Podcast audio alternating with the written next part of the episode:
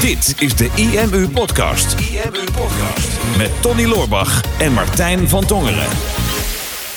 Hey, leuk dat ik hier mag zijn. Ehm, de aanleiding was eigenlijk eh, het, boek, Tony. Dus dat we eh, eh, dit boek, en het was natuurlijk eh, even een tijdje geleden, en we zouden, ik zou bij jou langskomen. Maar ja, er kwam iets tussendoor. Ehm, Ja, corona kwam er tussendoor. Ja. Er, er kwam even corona tussendoor, dus ja, eh, maar goed, het boek gaan we zo, daar gaan we ook, ik vind, wil ik ook wel even over hebben. Maar wat ik leuk vind, we gaan het eigenlijk wat meer vakinhoudelijk over hebben, over het brein. Ja. Ik ben bij eh, het event geweest van IMU. Als, als Ehm, spreker ook als zelfs. spreker zelfs. Nou, eh, ehm, jij kwam na mij en je, had, een mooi verhaal over het brein. Vond ik serieus. En een van de dingen die mij is, is onthouden is dat informatie leidt tot analyse, emotie leidt, ik dacht tot gedrag, maar daar komen we zelf bij. Maar leg me even uit. Ehm, want je, je, jij, hoeft, geen, hoeft geen aankondiging van wie je bent, wat je doet. Er zijn allemaal luisteraars van iemand die weten dat. Kijk maar even de oude films terug. We gaan echt die diepte in van dat brein. geef ze ook meteen een stapel huiswerk waar je gewoon niet doorkomt. Kijk maar even alle oude video's terug. Honderden. Jongens, ja. kijk, kijk die oude video's terug lachen. Maar ehm, de passie voor het brein, want die delen we wel. Maar hoe is die bij jou ontstaan? Wat, hoe komt jouw passie voor het brein? Passie voor het brein. Ehm, nou, het, is- het is bij mij ooit begonnen met... ehm, ik heb ooit een keer een boekje gelezen over, eh, over lichaamstaal. Echt, dat is heel lang geleden. Oké. Dat was echt, dat is 2010 denk ik zo'n beetje, dat, dat, dat het begon. Dus we zijn inmiddels tien jaar verder. En dat, dat was de eerste keer dat ik merkte van... Hey, er, zit, er zit meer achter mensen dan dat je zou denken. Vond ik heel interessant. En ehm, toen had ik van dezelfde auteur ook een ander boekje gele- eh, gelezen. Of van dezelfde uitgever. En dat ging over het verschil tussen mannen en vrouwen. Ik dacht, dat is wel interessant. Dat, dat moet ik leren. Ja, ik denk... eh, dat, ja, en, dat, en dat vond ik, ik vond het een machtig interessant onderwerp van, hè, van eh, hoe zijn mannen nou eh, anders dan, dan vrouwen. Ik dacht, als ik nou het vrouwelijk brein kan begrijpen, dacht ik, dat is echt een lifehack. En dus daar heb ik heel veel over gelezen. Eh, Tony, ik heb dat- jaren geprobeerd. hè. Ja, dat is niet te doen. Nee, dus daar ben ik op een gegeven moment ook mee gestopt. Maar wel- wel- welke, eh, welke schrijver was het? Weet je dat nog? Van, van het bo- boekje van Lichaamstaal? Of- Nee, dat- ik weet, de, de, de, ehm, er zijn een aantal van die boekjes. eh, Why Men Don't Listen en and Women. oh, die. Nog, dat Ja, soort boekjes. ja. ja. Oké, interessant. Maar dus vanuit lichaamstaal. Vertel verder, want dat vind ik interessant. Ja, dus, dus dat, dat, dat vond ik in eerste instantie interessant. En eh, echt gewoon de verschillen tussen het mannelijk en vrouwelijk brein. Nou, het- ik kwam van lichaamstaal op, dan verschillen tussen mannen en vrouwen. Toen psychologie in het algemeen vond ik al heel interessant. Ik dacht, nou, misschien had ik dat moeten studeren. Maar inmiddels was ik al, al ja, ik werkte al en die behoefte had ik helemaal niet meer.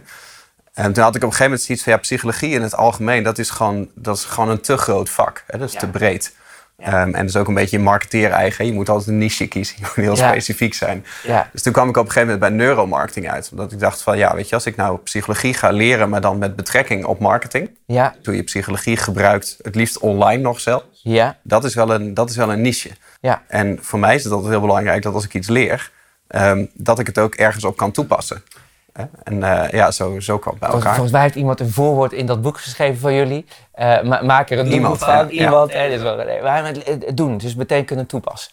Oké. Ja, klopt. Ja, nou ja, en het is natuurlijk ook mijn vak. Ik geef, ik geef trainingen en ik schrijf boeken en ik maak video's. Dus ik moet ook een hoop input van anderen, zeg maar, eh, doorgeven. Ja, Ehm, in mijn eigen woorden, zodat het net lijkt alsof ik heel erg slim ben. Hè? Maar dat Ja. heb ik gewoon in een ander boek gelezen. Ehm, dus als ik iets lees dat interessant is, dan, dan weet ik ook van ja, ik ga dit alleen maar onthouden. Als ik het eh, dusdanig voor mezelf in mijn hoofd heb dat ik het na kan vertellen. Hè? Dus ik moet het in mijn eigen woorden kunnen vertellen. En dat is eigenlijk het voordeel van trainer zijn. Dan onthoud je dus veel meer over een vak, want je moet het, je moet het eh, didactisch maken.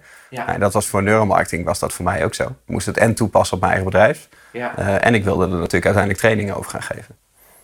En wat, eh, want je, het begon, vind ik wel interessant, het begon bij die lichaamstaal. Dus, dus, dus eigenlijk, je zegt, je zegt maar qua, qua beweging zeg je eigenlijk al heel veel. Hè? Dat is wel interessant.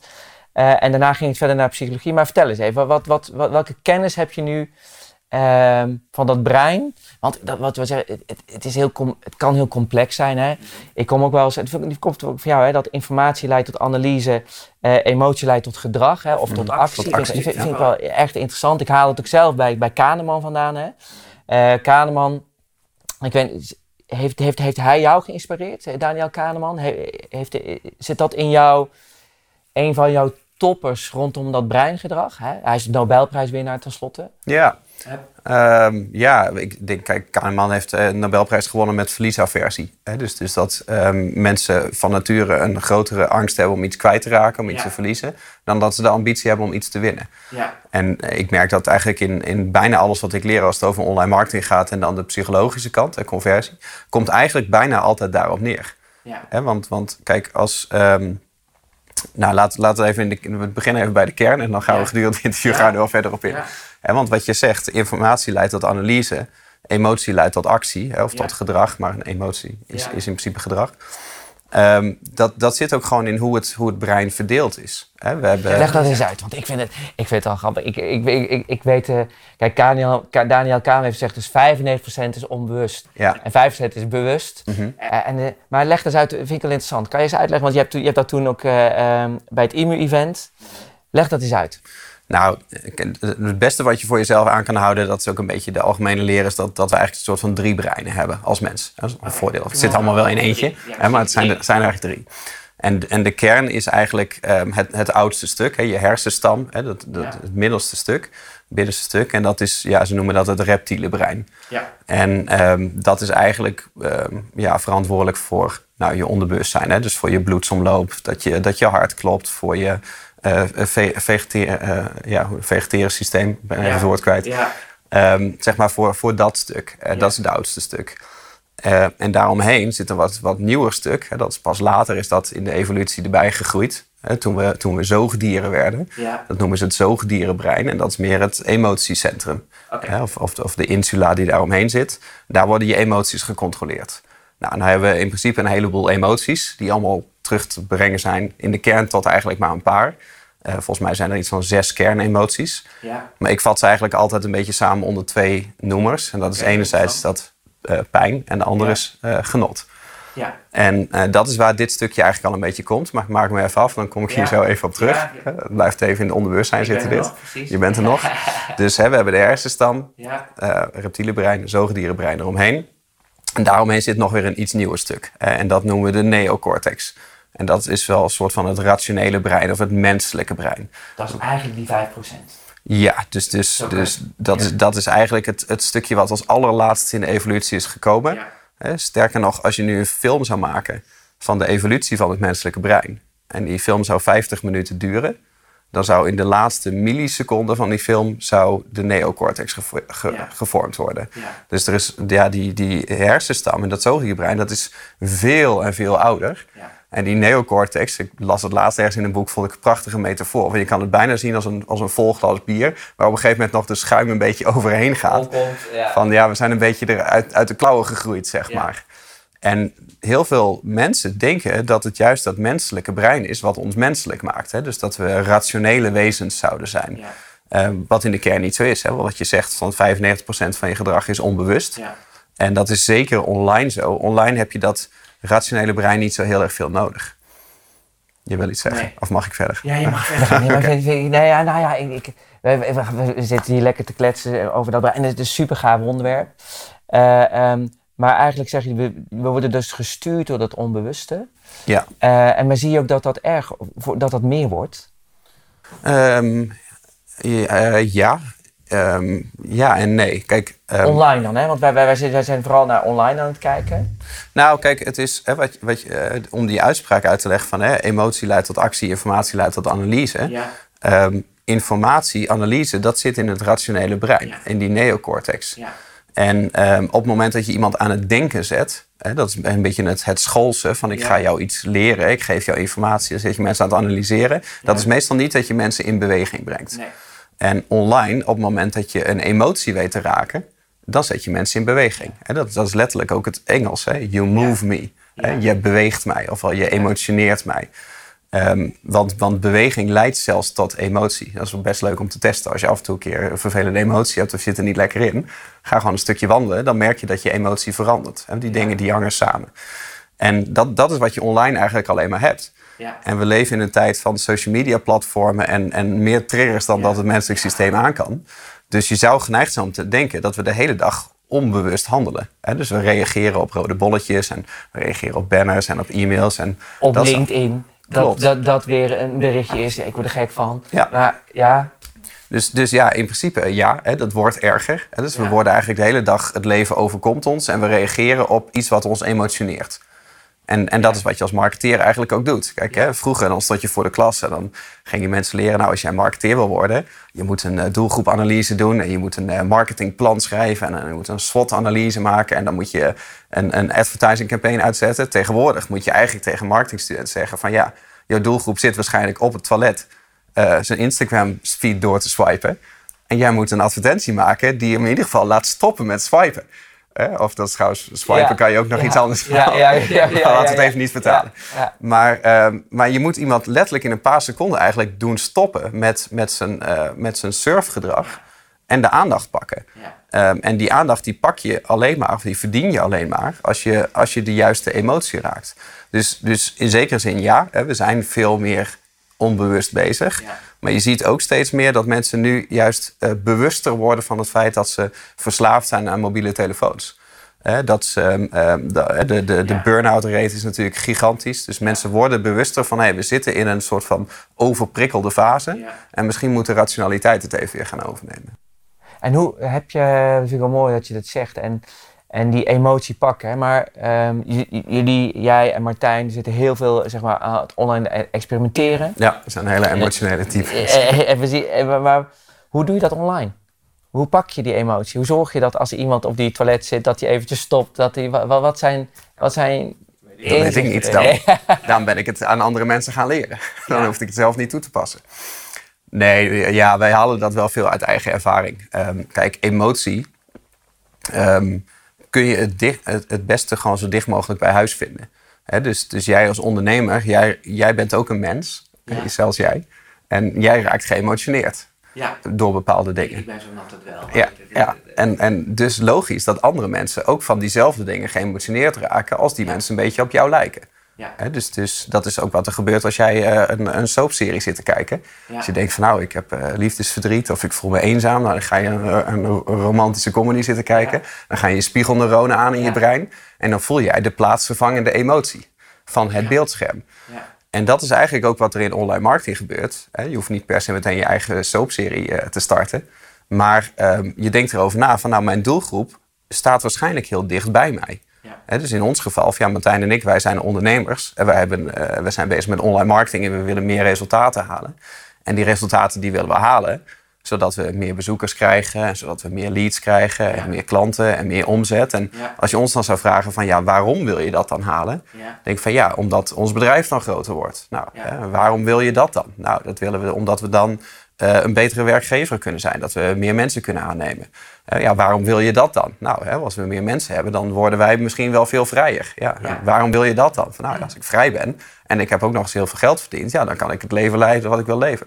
Dus er zit altijd een waarom achter. Ja. Waarom wij de dingen doen. En er is een hele grote kans dat onze doelgroep die ons volgt, precies diezelfde redenen heeft. En als dat niet zo is, dan hebben we misschien een verkeerde doelgroep gekozen. Als dat een doelgroep is die helemaal niet op ons lijkt, en helemaal niet dezelfde interesses heeft, dan is daar een mismatch. Ja. Maar op het moment dat wij nou de fout maken om die ratio aan te gaan spreken, dus door mensen alleen maar um, de, de praktische tips te geven over hoe je dit kan bereiken, bijvoorbeeld, ja. dan is er weinig emotie. Ik heb dat in het verleden als spreker ook gehad. Dan was ik twee uur lang aan het, aan het raaskallen over SEO en over conversie. En dan hadden mensen na de tijd altijd iets van, interessant. interessant. En als ze dat zeiden, dan wist ik van, je gaat er dus niks mee doen. En je bent voordat je thuis bent, ben je het al vergeten. Maar op het moment dat ik iets uit mijn eigen leven ga vertellen.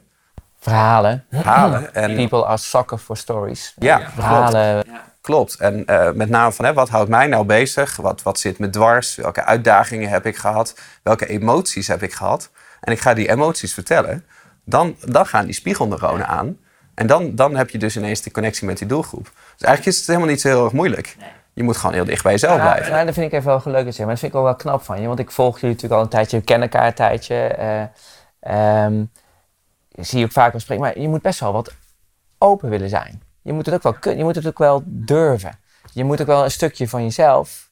Uh, als je die herkenning wil uh, geven, moet je ook, moet je ook wel vrij willen geven. Had, je daar, had je daar een, had je, heb je daar moeite mee gehad ooit?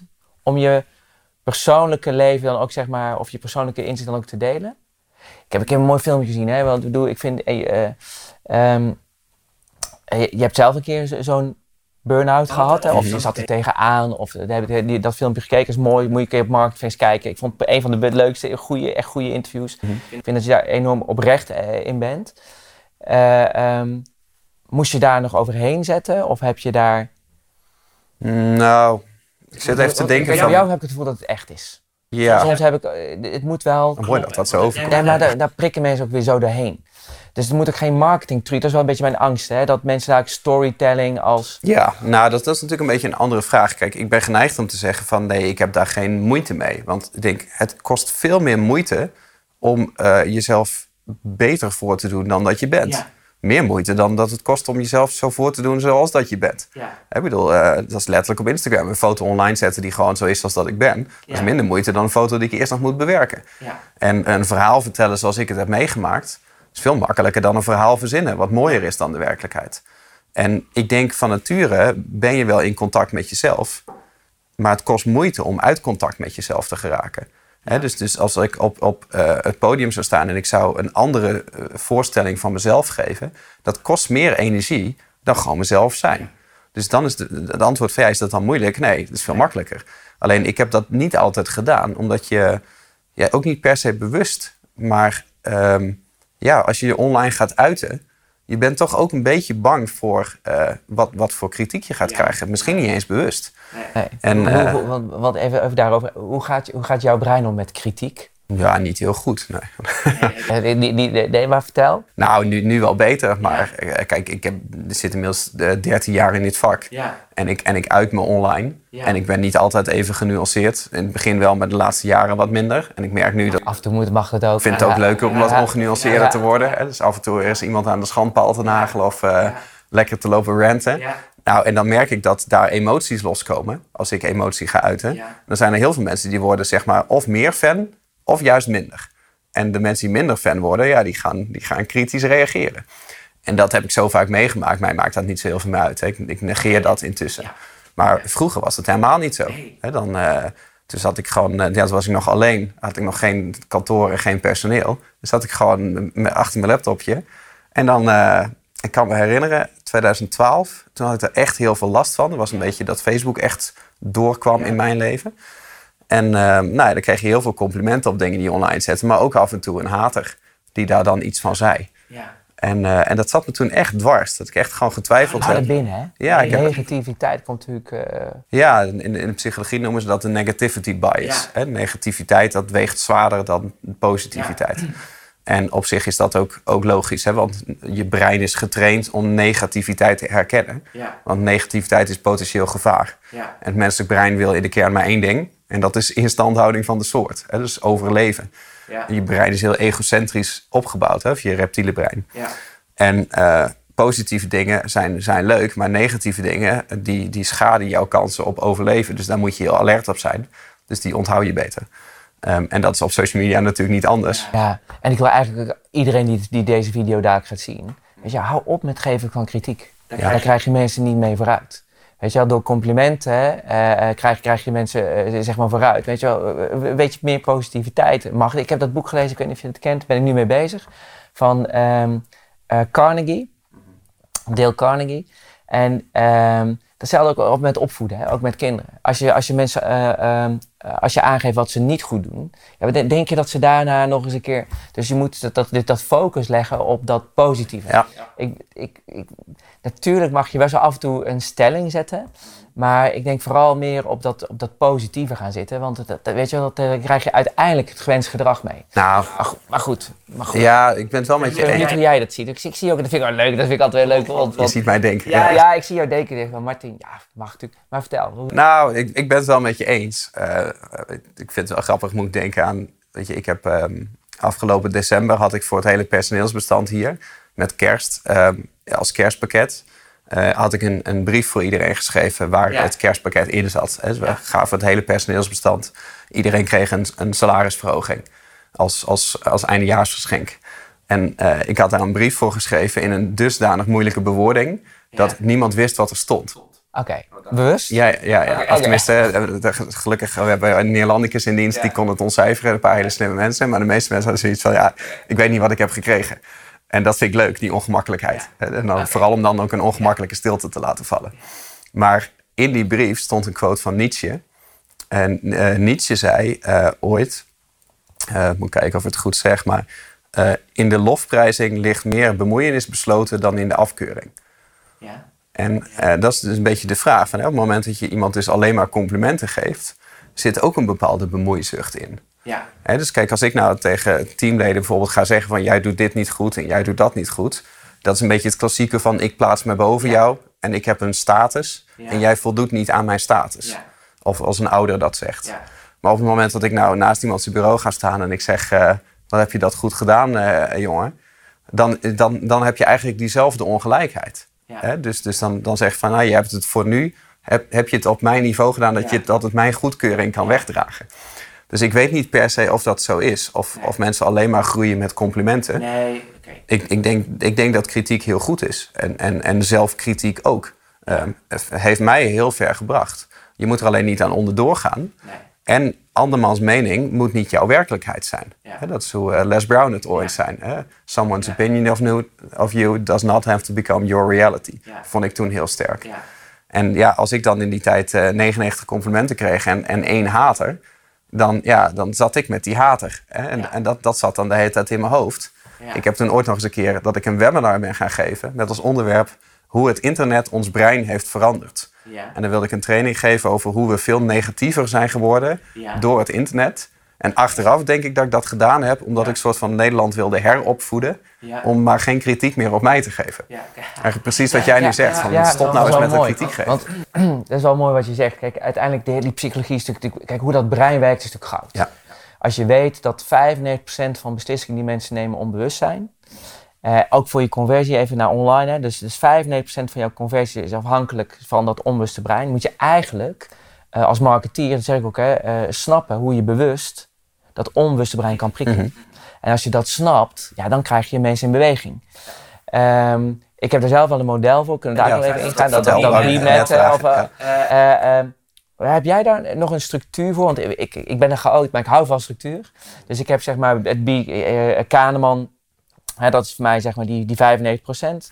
Uh, BG Fox is een gedragsformule, heb ik een beetje omgebouwd. En ik hou wel van je eigen dingen maken. Dus niet even, oh, ik heb een model. En ik ga alleen maar over dat model uh, kopen of ik laat me daarvoor trainen of coachen of whatever. Maar maak er wel je eigen ding van, want ik vind ook, dat vind ik het mooi wat je net zei. Pas het toe, want alleen door toe te passen ga je het leren. Maar heb jij voor jezelf nog een structuur? Want uiteindelijk, kijk, die kennis van het brein, die, die wil je hebben als ondernemer, als marketeer. Om uiteindelijk te komen, dat is een beetje mijn inzicht. Welk gewenst gedrag wil ik krijgen? Hè, bijvoorbeeld, ik wil dat meer mensen op mijn nieuwsbrief gaan abonneren. Ik wil dat meer mensen gaan bestellen. Ik, dat, ik wil dat meer mensen het kassakoopje erbij gaan doen. Dus gedrag, alles is gedrag. Hè. Ik, ik, ik, zie dat, ik ben benieuwd jij dat ziet. Ik zie in die psychologie twee modellen. Als ik een houding wil veranderen, dat is meer zeg maar vanuit een brief vanuit de overheid. Dan heb je het ELM-model, het eh, Elaboration Likelihood Model. Maar als je gedrag wil veranderen, ja, ik gebruik daar de BMAT voor.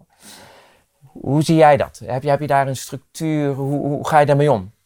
Um, nou, die, die, BMAT-methode, ik kan hem echt wel honderd keer lezen. Ja? Ik ben nog nooit in staat geweest om er iets van te onthouden. Oké, dan ga ik zo uitleggen. Nee.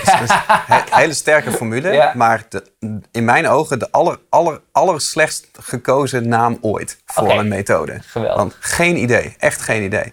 Um, en, en dat is al, eh, denk ik, al het eerste. Als je wil dat je boodschap blijft hangen, moet je hem naakje Ja, maak het tastbaar. Dat is bijvoorbeeld met, die, met het boek ook. Daarom hebben wij voor de online marketing tornado gekozen. Ja, ja het is misschien heel goedkoop, maar ja, iedereen heeft het over een funnel. Een funnel gaat van boven naar beneden. Hè? Dus, dus iemand komt op je website, awareness, en iemand komt dan in je, in je, uh, op je conversiepagina terecht. En die koopt dan je product, of uh, die schrijft zich in voor je mailinglijst en dan kopen ze het product. En zo funnel je mensen, zeg maar. En wij dachten van, nou, we draaien hem om. Um, dan wordt een funnel namelijk een tornado. En heb je een verhaal. Nou, dan hebben, ja, dan, dan, dan hebben we echt een, een eigen terminologie. Ja. Um, en kijk, wij hebben dan een aantal softwarebedrijven, hè, dus, dus drie software tools. Ja. En ik merkte dat het is best wel moeilijk als jij een verhaal vertelt, dat je daar dan drie producten bij zou moeten aanbieden. Ja. Want de meeste mensen horen dat verhaal voor het eerst. Ja. En zeker op een website, je moet er echt van uitgaan als stelregel, mensen die op je website komen, die weten niets niets van jouw bedrijf, niets van jouw vak. Ehm, die snappen jouw jargon niet. Die, die moet je het zo makkelijk mogelijk maken. En voor mij is het heel logisch dat een ideale online marketingstrategie uh, dat daar SEO in zit, scoren in Google en dat de conversie en funnels en, en betaalprocessen en affiliate marketing en, en member sites en, en, en community building. Ja, ik zit daar al tien jaar in. Dus voor mij, als ik dat nu moet opstarten, ik ben nu net weer een nieuw bedrijf gestart. Ja, ik kan het over hebben. Brein TV, hè? Ja, ja, zo nou ja, ik, ik, ik kan dat in een, in een, in een dag opzetten, dat hele model. Maar ik heb dat al honderdduizend keer gedaan, bij wijze van. Raamwerk, dat is, schaalbaar, dat is het schaalbare raamwerk wat je hebt. Ja, klopt. Maar, maar dan nog, even terug naar die. Dat, dat, ik, ik hou van structuur. Hè. Ik, ik, ik, ik, ga die BMAT zoals even uitleggen. Um, ik ben het met je eens. Het is, het is BMAT, hij noemt nou, nou BMAP, weet je wel. Maar oh ja, veel beter. dat is wel, ja, maar er zit niet, zit niet echt een, een verhaal achter. Hè? En, en mensen, ons brein kan geen tekst onthouden, wel verhalen. Dus daarom, wat, weet je, daarom je ook storytelling, dat je als je gaat, gaat verhalen vertellen, want dat onthouden mensen. Ja. Maar voor mij is het wel een anker. Maar stel, jij wil, uh, je basis klopt. Hè? Want ik, ik zie zeg maar persuasion of de kennis van het brein. Ik vind het eigenlijk basis. Mm -hmm. uh, uh, ik vertaal dat zelf vaak. Hè? Het is wel leuk wat je net zei. Een beetje um, hoe je vroeger les gaf was gewoon informatie geven. Ja, je moet je, moet je weten wat je wil, wat je doelen zijn. Ik denk eigenlijk jongens, ondernemers, gaan veel meer, maar dan ook echt serieus veel meer in die huid van die klant kruipen. He, want dat, dat zijn de, de, twee dingen die ik altijd wel noem als je succesvol wil zijn. Is ondernemers die met harde doelen werken. En ondernemers die in de huid van de klant kruipen. En er serieus ook mee praten.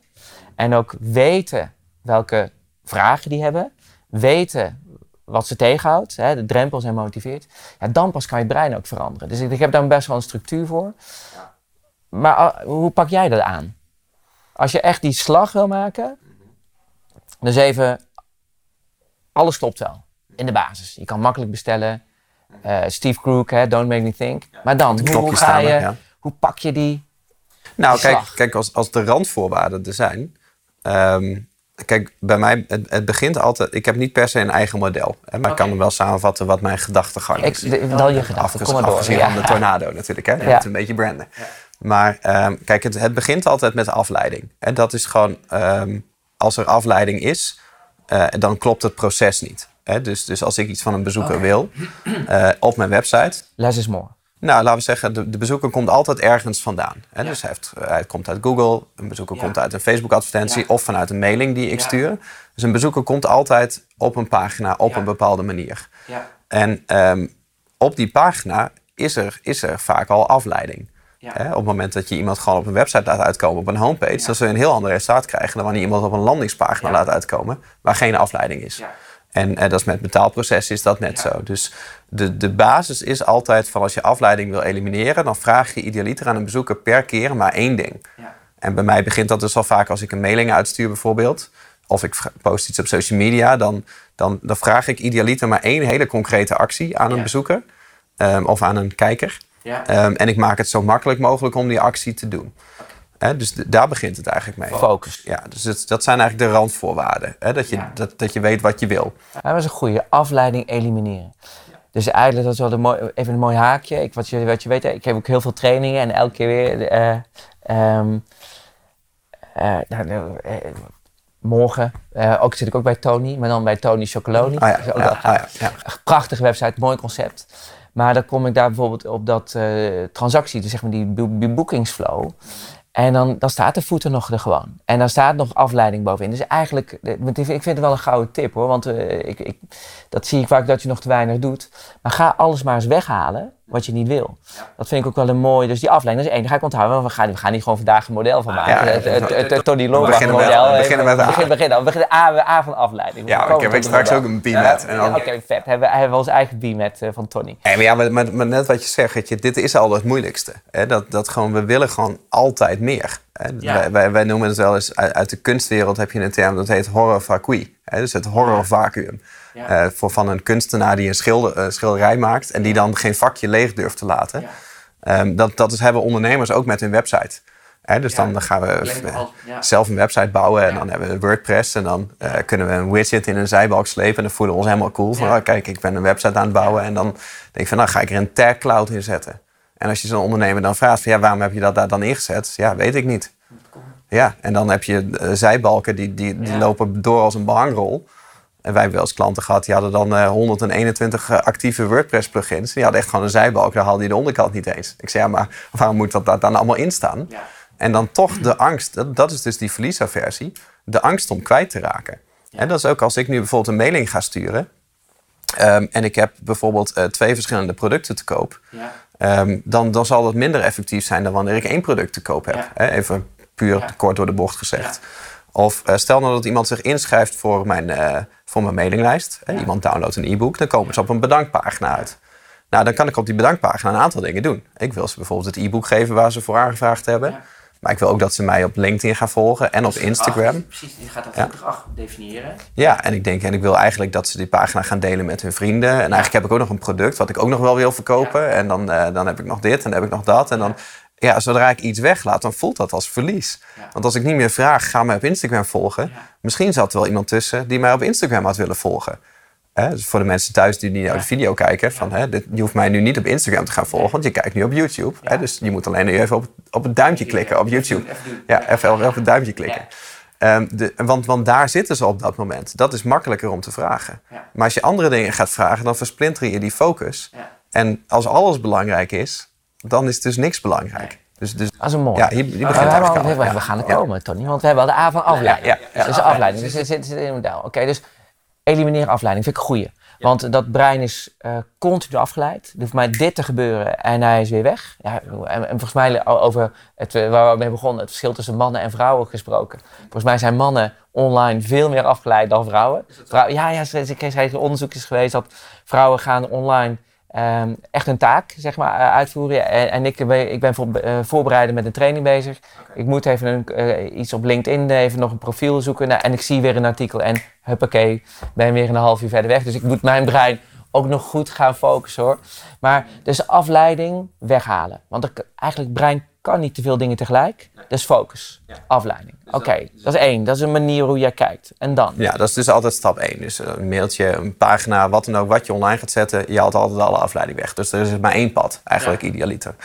Ehm, vervolgens, waar ik dan mee begin, is van oké, nu moet ik de aandacht hebben van mensen. Oké, Hè, want want hè, mijn, mijn, mijn rode loper ligt er. ja, En de, de deuren staan open. Maar nou Ja. moet nog, nu moeten er nog zieltjes in. En Ja. nu moeten nog mensen komen. ja, En ehm, aandacht kan je eh, grijpen. Ja, Maar je kan aandacht ook verdienen. En daar zit een beetje een nuance in. Ja. Hè, dus, dus je hebt bijvoorbeeld clickbait. ja. Ehm, gebruiken wij af en toe ook wel eens hoor. Want Ja. eh, we hadden laatst nog weer een video online met bijvoorbeeld... eh, eh, eh, snel geld verdienen goeroes. Is het oplichting Dat of niet? Ja, ja dat, en dat is natuurlijk pure, aandacht. pure clickbait. Ja, Ja. ja. het kan ook zijn eh, dat we dat inmiddels samen een beetje bekokstoven hier. Maar ehm, eh, dat, dat zie je natuurlijk heel, heel veel online. Hè? Van eh, eh, zes tips om beter met je schoonmoeder om te gaan... waarvan je de vierde niet verwacht zou hebben. Ja. En dan klik je daarop en dan heb je weer een van een zinloos artikel. Dat is clickbait en dat is aandacht grijpen. ja. Maar aan aandacht grijpen heb je niks als je alleen maar nieuwsgierigheid prikkelt bij een bezoeker ja, en die nieuwsgierigheid niet beantwoordt. want dan heb je alleen maar een teleurgestelde reactie van... hé, hey, oké, ik was heel benieuwd. Dan krijg je weer een mailtje met bijvoorbeeld een nieuwsbrief van... dit is de belangrijkste mail die ik je ooit ga sturen. Of eh, er is nu een deadline, je moet nu hier klikken. Ja. Je zult- mensen doen dat wel een paar keer. Mensen zijn altijd nieuwsgierig. Ja. Maar ehm, je hebt de aandacht niet verdiend. Ja. Hè, omdat ehm, die aandacht is heel vluchtig. Ja. En dat is eigenlijk de volgende stap. Dat ehm, op het moment dat ik nou een persoonlijk verhaal vertel... ja. en iemand herkent zich in dat verhaal... Herkenning. Ja, hè, dan, dan, dan, dan verdien je aandacht. En eh, dat is eigenlijk een beetje de stelregel. Hè? Marketing is herkenning. Ja. Op het moment dat, eh, dat... Dat begint al helemaal in de basis. Ja. Ja, dus, dus stel eh, eh, iemand eh, heel, heel platgeslagen... gaat bijvoorbeeld in Google zoeken Ja. op een product. Bijvoorbeeld een bowlingbal kopen, noem maar iets. En je komt op een website waar staat... wij verkopen bowlingballen. Dat is één op één. Dat is herkenning. Dan denk je, ja, dit, dit zoek ik. En ik herken mijn vraag in deze website. Dat is herkenning. Maar herkenning is ook als ik als eh, influencer... of als Ja. eh guru... of eh, beter gezegd als online marketing trainer... Ja. een verhaal vertel over van nou, hè, de- ik heb de afgelopen maanden ben ik bezig geweest om een, mijn website een SEO makeover te geven. Ik heb een experimentje gedaan, iets waarvan ik dacht dat het niet zou werken. Dit zijn de resultaten geweest en dan vertel ik dat verhaal bijvoorbeeld. Ja. Dat is nog steeds wel een inhoudelijk verhaal, maar daar is al meer herkenning. Ja. Omdat een, bezoek, een lezer vaak denkt van nou, ik, zou, ik ben ook met mijn website bezig. Hè? Ik vond al de derde. Hè? We hebben het al een keer genoemd. Hè? Dus, de herkenning is dus volgens mij de derde. Want we hebben zeg maar eh, dus afleiding voorkomen, aandacht pakken. Dat is, hè, dus die afleiding weghalen, waardoor je ook, dat is, dat is wel grappig. Misschien dat we daar nog ook over hebben, over een stukje personalisatie, hè? online personalisatie. Want juist met online personalisatie, het eerste wat je doet is wat, uh, ga weghalen wat niet relevant is. Dat zit eigenlijk in die afleidingen. Dus die afleiding, die aandacht, en dan moet iemand herkennen. Want dat, volgens mij komt hij ook van jou. Dat vind ik ook een, ook een mooie. Herkenning leidt tot vertrouwen. Ja. En vertrouwen is de basis voor conversie. Dus uh, ben je eens? Want we gaan hier jouw model creëren. dus, we hebben, dus afleiding, aandacht, herkenning. Ja, herkenning leidt tot vertrouwen en vertrouwen leidt tot ontspanning. En je kan mensen het beste tot actie aanzetten als ze ontspannen zijn. Tenminste, ja, oké, er zijn wat uitzonderingen. Maar idealiter wil je iemand ontspannen hebben. Maar dat, dat is logisch. Hè? Als jij een, een, een, een, eh, een situatie herkent, dan voel je je veiliger dan wanneer je een onbekende situatie komt. Als jij ergens op eh, bezoek gaat waar je al een paar keer bent geweest, dan voel je je vertrouwder dan wanneer je ergens bent waar je nog nooit bent geweest. Ja. dus, en dat zelfs op een website, dat zit hem zelfs in, in het knoppendesign. Ja. Uh, dat alles wat je herkent, dat, dat, dat geeft vertrouwen. Ja, en, als, en ik merk ook, als we onzeker zijn, dan ga je weer terug naar, dat, uh, naar die situatie. Van die je al kent. Want dan wil je geen onbekende, als je onzeker bent, wil je geen onbekende dingen. Oké. Ja. Dus, dus, en, uh, dus daar zit inderdaad afleiding. Nou, dan hebben we het, het, het, de aandacht verdienen, zeg maar.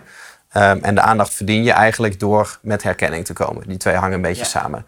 En dat is waar ik de laatste tijd meer op focus. Dat, um, ik ben ook zo'n ondernemer die gewoon ja, helemaal fan is van zijn eigen producten. En van zijn eigen bedrijf. Mag, mag het. Mag, absoluut. Um, en dan ben je geneigd om elke keer alleen maar dat te gaan uh, uh, dat, dat gaan vertellen. En dat doe je dan in de advertentie bijvoorbeeld. Denk, nou, ik moet het kort houden. En ik had dat in het verleden ook vaak. Dan ging ik een mailtje naar de mailinglijst sturen met uh, beste voornaam. aanstaande donderdag geef ik een webinar. Dit is de inhoud en hier kan je aanmelden. Lekker kort, lekker concreet. Wordt door heel veel mensen gewaardeerd. Maar um, er zit veel minder emotie in dan wanneer ik bijvoorbeeld gewoon een verhaal schrijf. Hè. Jij noemde net bijvoorbeeld even die burn-out. Ja. Nou, laatst stuurde ik dat bijvoorbeeld een keer rond. Over, Als onderwerp van het mailtje was dan geluk gehad. Ja. En dan vertelde ik gewoon een verhaal van... ja, ik, ik heb geluk gehad dat ik die burn-out heb gehad... en dat het me anders heeft laten leven. En uh, ik heb geluk gehad op deze manier, maar ik heb ook geluk afgedwongen. Hè? Want geluk is een bijproduct van, van goede planning. Hè? Dus, dus welke planning lag er dan voorafgaand aan dat geluk? Of zoals Steve Jobs het zei, van, hè, ik sta er versteld van dat een spontaan succes zo'n lange aanlooptijd kan hebben. dus, dus dat was de kern van het verhaal. En er kwamen heel veel reacties op van mensen die zoiets hadden van... nou, ik herken me hierin, want ik heb het ook moeilijk... en ik dacht dat jij altijd alleen maar succes had... en dat, alles je voor de wind ging. En nu zie ik wat erachter zit. En daar wordt dan de klik gemaakt. En dan verdien je dus echt aandacht. Want wat je dan daarna gaat vragen... de aandacht die je daarna wil hebben voor het product wat je aanbiedt of de training die je geeft, of misschien is het niet eens een call to action. Die aandacht die is heel oprecht. Ja. Dus als mensen dan zo'n mailtje lezen, denk ik, ik zit helemaal kniediep in dit verhaal. En er komt nu een, een, linkje voorbij, dan klikken mensen op dat linkje met de juiste intentie. Dus, dus dat is het verschil van, ik kan wel een klik uitlokken, zodat als mensen erop klikken en op een pagina komen en denken van ja, ik ga hier weer weg, want ik wilde alleen maar weten wat erachter zat. Dat is aandacht grijpen. Maar als mensen op het linkje klikken met al de intentie van uh, ik voel het vertrouwen en ik voel al de connectie. En ik, en ik wil gewoon door naar wat hierachter zit. Dat is een veel waardevollere klik. Ja. Dus, dus dat, is, dat is de volgende stap. Ja, vet. Het is wel, het is wel mooi. En we hebben dan. En dan hebben we. Maar oké, we gaan even verder. Hebben ook mensen wat ik denk dat je heel veel inzichten uit kan halen. En er zit, allemaal, er zit natuurlijk ook. Uh, ik moet zelf even denken aan het, het Neither Core Motors Model. Dat is het, het, het een van de meest uh, bewaarde geheimen van Cialdini uh, himself. Oh, spannend. Uh, heb, ik, die, heb ik hier nog niet nee, uitleggen? Nee, nee, ja, die, ga, die ga ik uitleggen. Um, dat is wel mooi, want je, um, nou, in de training die Cialdini zelf geeft, ik, ik, heb, ik, ik, ik, ik, ik spreek Cialdini, nou, de, kijk maar die andere video die we een keer hier hebben opgenomen, uh, um, nu zo'n tien jaar op rij. Uh, en ik vind zijn, zijn boek, of vooral zijn principes, zijn goud. Hè? Dus de zes, tegenwoordig zeven principes die je helpen om eerder dit jaar te laten zeggen op jouw verzoek. Hè? Dus hè, social proof, autoriteit, schaarste. En maar waar begin je bij die zes? En hij heeft maar een klein onderdeel in zijn boek, in zijn tweede boek, zijn nieuwe boek Persuasion, erin geschreven. Maar in zijn training is dat de rode draad. Dus die, die kreeg ik je te zien, want je kan jezelf ook op laten leiden tot uh, Cialdini uh, certified eh, trainer. Um, dat heb ik niet gedaan. Ik dacht, nou, die, die reiskosten bespaar ik mezelf. Ik ga het gewoon in de, in de praktijk doen. Maar, hè, de, wat zei je? Kon wel zakelijk. Ik, ja, precies, dat kon wel. Toen, toen kon het ook nog. Maar um, uh, hoe dat is opgebouwd, dat was interessant. Dat was eigenlijk ook in dit, hoe dit verhaal, zeg maar, hoe we dit nu gaan opbouwen. Zeg maar, het, het Tony uh, uh, brein psychologie model. Um, maar dat is een neither commotus model zit eigenlijk in van als je een ja wil krijgen op jouw bezoek, uiteindelijk wil je dat als ondernemer, wil dat met, met mensen iets gaan doen, dus gedrag veranderen. Dan moet je eerst zorgen voor de klik. Uh, want is er geen klik, um, dat heeft, en ik, weet je wel, dat merk je zelf eens offline of bij, bij een event. Dan spreek je iemand. En bij sommige mensen, dat is misschien wel, ik, moet ook, ik ga dat boekje lezen over dat lichaamstaal. Misschien is wel, heb je misschien lichaamstaal technisch gezien geen klik. Maar bij sommige mensen, die, heb je nog nooit ontmoet. En denk je, hé, hey, dat vind ik wel een aardige vent. Dan ga ik nog eens een keer een biertje mee drinken. En bij de ander denk je, oeh, is het al zo laat? Weet je, dat is dat. Dus dat, dat is die klik. Dat, dat heeft iets magisch. Dat is echt, hè. Dus ik zal, ik zal hem afmaken, Tony. Dus heb ik een klik Klik heeft te maken met sympathie, met wederkerigheid. Weet je, de weggever. We, we, kennen het. Maar is er geen klik, komt het nooit tot zaken doen. Is er een klik, dan komt er de volgende vraag in dat brein. Ik heb wel een klik met je. en bij jou had ik dat, dat was al lang, we kennen elkaar lang. En ik dacht, ik mag je wel. Aan de ene kant, weet je wel, dus we hadden die klik. En sommige mensen, ja, maar hij, hij mailt met te veel, dan zet je je mail uit. Maar dat gaan we het ook nog een keer over hebben. Van, weet je wel, de, heel veel mensen hebben altijd wel een mening of een kritiek. Heb ik een klik? De tweede vraag is dan, dat is wel leuk, Tony, wat je zegt, maar kan ik je vertrouwen? En dan komt het aan op social proof en autoriteit. Dus dan, dan zitten we nu daar, of we gaan daar even terug naar jouw model, dan zitten we vanuit die, die, die herkenning. Maar vanuit herkenning moeten we hem wel in actie krijgen. En dus heb ik een klik, dat is één. Twee, kan ik je vertrouwen? Want als ik een klik met je heb, maar ik twijfel nog of ik die ondernemer kan vertrouwen. Want hij zegt wel dat hij de beste coach is. Maar ik denk, ja, hoe, hoe, hoe kan ik dat dan zien? Social proof, hè? dus, dus uh, eh, 70% vertrouwt de mening van anderen en 14% vertrouwt de mening van jou. Daar heb heel, zie ik ook heel vaak over. Hè? Dus niet over jezelf praten, maar veel meer you-phrasing op websites. Hè, dat, dat is lastig in een interview, maar op websites nooit. Ik noem het ook wel als you-phrasing. Ik, ik zie, uh, maar goed, dan komen we even terug op die klik. Heb ik een klik? Maar als ik twijfel of je kan vertrouwen, komt de deal ook niet bij jou als ondernemer. Dus heb ik een klik, eh, kan ik je vertrouwen? Pas als dat valt, hoe kunnen we zaken doen? En dan komt het neer op schaarste en op commitment en consistentie. En schaarste kan dan zijn van, je hebt geluk, eh, volgende week is een, uh, nou, net een, iemand heeft gebeld, het event gaat niet door. Mhm. Meerdere events in deze tijd. maar ik geef wel online trainingen. Zullen we dan inplannen? Anders wordt het over na de vakantie ja, dus een beetje dat, dat ik vind niet à la Booking, heb ik het al vaak gehad, een beetje die haat-liefde verhouding, het zweet op de rug. Maar wel vind ik dat je een stukje uitstelgedrag moet voorkomen. Dus heb ik een klik, kan ik je vertrouwen, hoe kunnen we zaken doen? Kom terug bij jouw model. Uh, we zitten nu bij die herkenning. Super tof. Ik kom op die landingspagina. Veel ondernemers bekijken deze video ook. En ik vind het leuk dat we dit nu ook heel praktisch maken. Hè? Dus, dus die, die kennis van dat brein, hoe, hoe we beslissingen nemen, hoe kan je dat nou doen? Dus uh, al die ondernemers die nu deze video hebben gekeken, die, die zijn nu als een gek al die, die websites uit opschonen. Uh, dus al die frictie uh, weg. Um, het haakje maken, die herkenning en dan. Ja. Want ik, ik ben nog niet bij je binnen. Ik heb nog geen zaken met je gedaan. Nee, nee. Wat is dan dus? je bent nog niet binnen. Nee. Oké. Nou, je zegt net van hè, dat, dat boekje over lichaamstaal ga ik hier lezen. Ja. Ik weet niet zoveel van hoor een van de dingen die daarin stond, is als je meer chemie met iemand wil hebben, dan moet je je lichaamstaal spiegelen aan de ander. Ja. Geweldig, dus, NLP-achtig. En uh, ja, nou is dat bij jou erg moeilijk, want jij bent een beetje bewegelijk en, uh, en ik ben echt rotsvast. Ik beweeg geen millimeter. Um, dus vandaar dat je nog niet binnen bent misschien. Hè? Maar daar zit, daar, zit al wel, daar zit al wel een klik. Maar dat is eigenlijk ook weer herkenning. Ja. Hè? Dus, dus het zit, zelfs in het fysieke zit hem dat. Uh, spiegelneuronen is gewoon herkenning. Ja.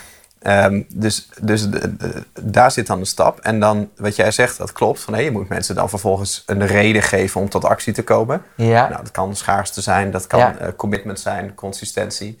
Maar in principe moet er een emotie getriggerd worden om mensen tot actie over te zetten. Dus dat is eigenlijk de derde stap. Ja. En de, we, hebben de, de A van afleiding. Ja. Uh, dan hebben we de H van herkenning. Ja, aandacht, afleiding, aandacht, her, aandacht, herkenning, die pakken we herkenning, samen. Herkenning, Ja, herkenning, ja En dan, hebben, we- ja, dan komt er een emotie. Ze hebben AHE. AHE. Is een soort van aha-erlevenis. Aandacht. Dat is het model. Ja, wel mooi. Ja, Aandacht, herkenning, emotie.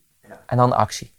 Ja, maar emotie is in een zekere zin Is, actie. is al een vorm van actie. Ja, want kijk, ehm, als het over emoties gaat, ehm, als iemand zich herkent in mijn verhaal, ehm, of iemand herkent zich in de sales page, hè, dan, dan weet je van als, als lezer of als bezoeker, weet je van ik ben hier op de goede plek aangekomen. Hè, ik voel mij aangesproken. Ja. Maar net wat je zegt, er is bijvoorbeeld nog niet genoeg vertrouwen. Ja. Ehm, of er is nog geen reden om nu tot actie eh, te komen. Ja. En eh, die reden om eh, in actie te komen, die bestaat meestal uit van welke emotie ligt daaronder. Dus ofwel, eh, ik kan nu in actie komen en dan win ik genot, en dan win Ja. ik plezier. Je, jij pakt die twee. Ja. Ja. ofwel, ik kom nu in actie en daarmee eh, neem ik pijn weg. Ja. En, en dan is eigenlijk de tweede werkt het, werkt het sterkste. Hè, Ja. dus, dus, dus hoe ik het altijd uitlegde van nou, hè, je, je, ofwel je geeft mensen eh, genot. Hè, dus, dus Ja. je prikkelt het genotcentrum, had je het voor het Ja. interview even Ja. over, Ja. de nucleus accumbens. Ja, ja. Hè, dat is het, het, het genotsplekje Ja. in het brein. Ehm, en ehm, dat, dat kan je prikkelen door mensen een vooruitzicht te geven van nou, hè, als jij eh, dit doet, dan krijg je dit, dan win je dit. Ehm, wat je ook kan doen, is, is meer dat, dat pijncentrum eh, prikkelen. Hè, dus als jij bijvoorbeeld dit nu doet, Ja. dan neem ik pijn bij jou weg. Ja. Of ik voorkom pijn in een later stadium. Ofwel, ehm, ik herinner je aan pijn eh, die je ooit hebt gehad. Die je bijvoorbeeld niet meer, niet meer zou willen hebben. En als je het niet doet, als je niet nu in actie komt, dan gaat dat pijn opleveren. Dat is waarom schaarste zo goed werkt. Van, hè, als jij nu niet mijn product koopt, dan is het Dan straks kans. uitverkocht. Of dan is het straks duurder. Het moet allemaal wel, maar dat ken ik je. Het moet allemaal wel echt zijn, weet je wel. De, de- hoe, wat- hoe, hoe kijk jij daar tegenaan? Eh, Nou, weet je wel, je hebt natuurlijk heel veel. ik, ik werk heel veel met deadlines, ja. Ja, en ja, ik vind dat dubbel. Ik vind het, het, het, het, het plaatsen van een deadline en het sturen van een mailtje met de actie loopt af, dat vind ik het meest vreselijke uit mijn hele beroep. Maar ik doe dat wel eh, regelmatig, al tien jaar lang. om een duwtje in de rug te geven. Nou, ik weet als ik het niet doe, ben ik gewoon die van mijn eigen portemonnee. Hè? Want wij, eh, als, als ik een actie online zet, ja, wij verdubbelen altijd onze omzet op deadline dag. Ja. En de laatste tijd is het zo'n beetje 70% wat we op deadline dag pakken. Eh, we hebben vorig jaar voor het eerst een keer Black Friday gedaan. Ik wilde er nooit aan. Want ik had het rationeel beredeneerd. Hè? Dus ik had gedacht van iedereen, elk bedrijf stuurt op Black Friday een Black Friday deal. Ja. Dus de consument zijn mailbox zit helemaal vol met Ja. deadlines en met aanbiedingen. Dus dat is wat wij doen. Wij doen het niet. Wij doen het een week eerder. Hè? Want dan hebben wij alle aandacht. Eh, maar zo werkt het dus niet. Want wij krijgen dus, wij kregen echt gewoon elk jaar weer mailtjes van mensen. Zeiden van, wat kunnen wij vandaag bij jullie kopen Ja. op Black Ze Friday? verwachten het. Mensen willen iets bij je kopen. Ze willen die Black Friday deal. Dus vorig jaar hebben wij het gewoon gedaan. Eh, we, hadden, we hebben een hele actie gedaan, wel op safe. Hè? Dus donderdag was dan onze deadline. Ja. En toen hebben we op vrijdag gemaild van... eh, nou, vanwege Black Friday zetten we hem één dag extra open. Ja. Net zoals dat bedrijven op Cyber Monday doen. Ja. En toen hadden we op die vrijdag een hogere omzet... Dan- dan, op de donderdag met de deadline. vier. Ja, dus we hadden gewoon een, een extra piekmoment, een extra lancering. En ik weet van ja, ik ben dit bedrijf niet voor niks gestart. Ik, ik heb mensen in dienst, daar ben ik verantwoordelijk voor. Ik, heb, ik wil een impact op de wereld maken. Ik ben er alles aan gelegen om dit bedrijf zo groot mogelijk te maken. Het gaat echt niet alleen om de euro's in mijn portemonnee. Nee. Want dan, dat is het al lang ontstegen. Het gaat om iets wat groter is dan dat ik ben. En daar haal ik mijn plezier uit. Maar als ik dit soort dingen niet doe, dan hou ik mezelf onnodig klein. En dat vind ik zonde. Dus ik doe het wel. Maar ik vind het vreselijk, want ik heb echt een hekel aan sales. Ik ben echt een marketingman. Dat vind ik mooi dat je het zegt. Sales is echt iemand ja, bij de haren erbij trekken. Dat is bij ons beiden wat moeilijker geworden. Maar van, hé, jij moet dit doen. Dat is sales. En ik geef jou nu redenen om in actie te komen. Ja. Marketing is veel eleganter. Hè? Marketing is meer van, ik, ik zet een verhaal in de wereld. En het verhaal moet zijn eigen plek vinden. En iemand moet in, in beweging komen zonder dat hij zelf eigenlijk precies weet hoe dat nou gekomen is. Omdat je de juiste emotie hebt geraakt. Omdat je de juiste snaar hebt geraakt. En in, in, in eenvoud schuilt heel veel elegantie. Ja. En denk dat dat is het hoogste doel eigenlijk. Dat is in de wetenschap is dat zo. Dat was eh, Stephen Hawking wilde dat ook. Die wilde één elegante formule om eh, het heelal mee te verklaren. En hoe korter en hoe eleganter die formule, des, des te hoger het, het doel.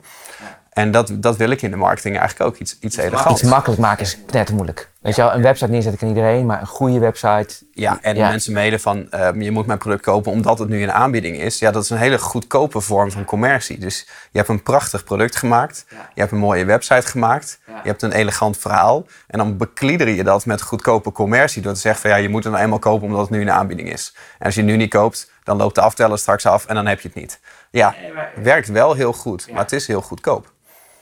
Het lijkt misschien wel, als, we, als je het rationeel gezien dat het goedkoop is. Maar eigenlijk, je, je helpt mensen kiezen en je helpt mensen kopen. Ja, Dat- dat is een aanbieding ook altijd goedkoop trouwens. Anders was het geen aanbieding. Nee, dat, dat, dat, dat is waar. Dat is waar.